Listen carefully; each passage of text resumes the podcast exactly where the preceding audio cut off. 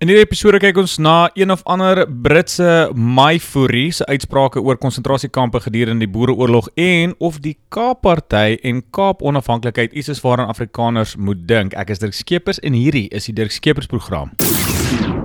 Ja, nou ons het die ou genoem. Sy naam is Jacob Rees-Mogg en hy is 'n lid van die Britse Parlement en voor ek my opinie oor die saak gee, hier is wat hy gesê het. Ek gaan nou vir jou die klank insetsel speel. I'm talking about the Boer, the Boer War had people put in camps for their protection. Where the British when- invented the use of concentration camps. but, but I'm afraid you're confusing concentration camps with Hitler's extermination camps. I'm not saying they're the same These- thing. I'm these- saying that any concentration these- camp is de facto were- an awful, awful These- thing. These were people who were interned for their safety. Now, that is not a good thing. I'm not Hundreds in of favour. thousands of people died.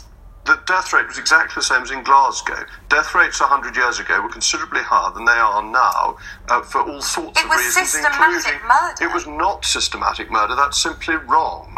I'm not advocating people being taken off their farms and put into camps, but there was a war going on, good, you clarified and people and people were being taken there so they could be fed because the farmers were away fighting the Boer War. So th- this is one of the things where you've got to understand the history of what was going on, not just look at it from the comfort of 2019 uh, and say that uh, this is the same as what was going on with Hitler. It is completely and utterly different. Nou ek weet vir baie van julle is julle eerste instink as jy nou na luister na hierdie kakie is om hom 'n oorveeg, 'n klap teen die oor te wil gee. En as ek nou mooi gaan rondkyk hierso verder aanlyn is ek nie die enigste een wat so gevoel het nie. Adam Tas het ingespring op Twitter en gesê hy wil die ou in 'n konsentrasiekamp stop, sy traantjies melk en gin daarvan maak. 'n Twitter gebruiker met die naam Herman Pretorius het 'n hele thread daaroor gemaak. Marius Rood het ook uitgewys hoe Ries maak geskiedkundig verkeerd is in sy uitsprake. En Marius Rood het 'n persoon hier aangehaal wat gesê het dat die kampe opgerig was as gevolg van die verskroeide aarde taktiek van die Britte en dat die boere vrouens heeltemal in staat was om die plaas aan die gang te hou terwyl die mans op komando is. So enige iemand met 'n halwe brein en wat eerlik is met homself sal weet dat hierdie doos met sy posh English accent is verkeerd, maar hoe kan iemand wat 'n lid van parlement en na die beste universiteite toe gegaan het nog steeds so verkeerd wees. Ek kan wel in die sin van ewewigheid aanvaar dat die kampe, die konsentrasiekampe van die Britte wat hulle met die boere gedoen het, nie dieselfde was as die kampe wat Hitler gedoen het waar mense in gaskamers gestoot is nie. En hier is dalk nog 'n invalshoek wat julle nog nie aan gedink het nie. Die Renegade Report, ook die mense wat 'n baie goeie potsending het, eintlik een van die grootste potsendings in Suid-Afrika, noem dat die baie snowflakery wat aangaan van die kant van Afrikaners oor hierdie spesifieke saak. En die noem van hierdie term, snowflakery, het my laat dink aan iets wat ek gehoor Bouwer Bosch destyds gesê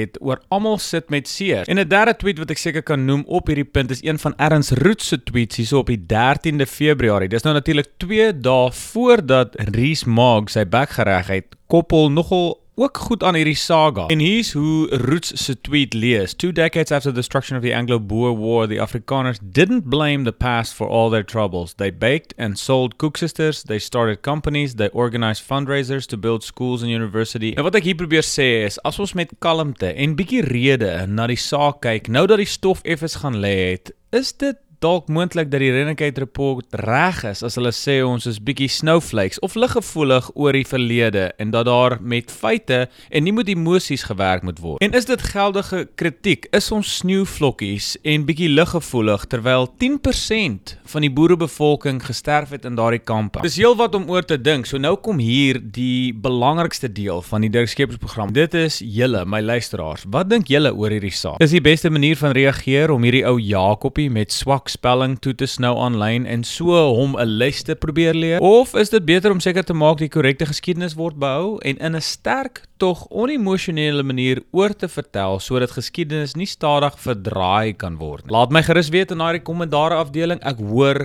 graag van jou. Dan wil ek oorswaai na die Kaap-party of die Cape Party en vir die van julle wat nie weet nie, die Kaap-party streef vir 'n onafhanklike Kaapland deur weg te breek van die res van Suid-Afrika. En ek weet gewoonlik hier verloor ek baie mense want hulle dink dis net 'n klomp maalkoppe en dit kan nooit gebeur nie, net soos wat Trump nooit president sou word nie of mense nooit vir Brexit sou stem nie. En ek volg volg al die uh, Cape Party vir 'n hele ruk. Hulle ondersteuning is regtig wat wou in terme van stemme, selfs in die Kaap, maar hulle leier wat vir my voorkom as 'n Engelse ou met die naam Jack Miller, hou voor dat hulle meer ondersteuning sal hê in die nabye toekoms. Nou soos julle al seker weet, hier ons is hier op die Dirkskeps program ten gunste van vryheid en as 'n vrye mense stem om af te stig van Suid-Afrika, is dit hulle saak en hulle goeie reg. Nou Jack Miller, die leier van die party, noem iets baie belangriks deur te sê dat Afrikaans die meerderheid taal is in die Kaap en dat daar 'n kultuur is in die Kaap wat verskillend is as die res van Suid-Afrika. En ek dink dis die beste manier om te werk te gaan as jy fokus op taal en kultuur, dan val jy nie so maklik in die moeras van die noue argaïese velkleur definisies. Tog het ek nog steeds 'n klomp vrae, die eksistensiële vrae soos wat van die Afrikaners in die noorde sal mense Kaap toe trek al is dit soveel anders as in die noorde? Dan kom natuurlik die internasionale reg aspekte in, soos of die mense van die Kaap geskiedkundige reg het op die area wat wil afstig. Dit lyk so want die eerste inbolinge van die Kaap het daardie reg. En hiermee kan ons seker weer die een Khoisan koning Cornelius die 3de wat ons in 'n vorige episode behandel het wat middel verlede jaar al klaar die Kaap as onafhanklik verklaar het in die ANC so te sê uitgeskop het. En ek het gaan soek, maar ons het nie weer van hom en sy volgers regtig gehoor nie. So dit lyk vir my nie sy plan het so goed gewerk nie. En die probleem is dit maak van iets wat legitiem is en belangrik is dalk bietjie grapperig. Tog bly een ding verseker,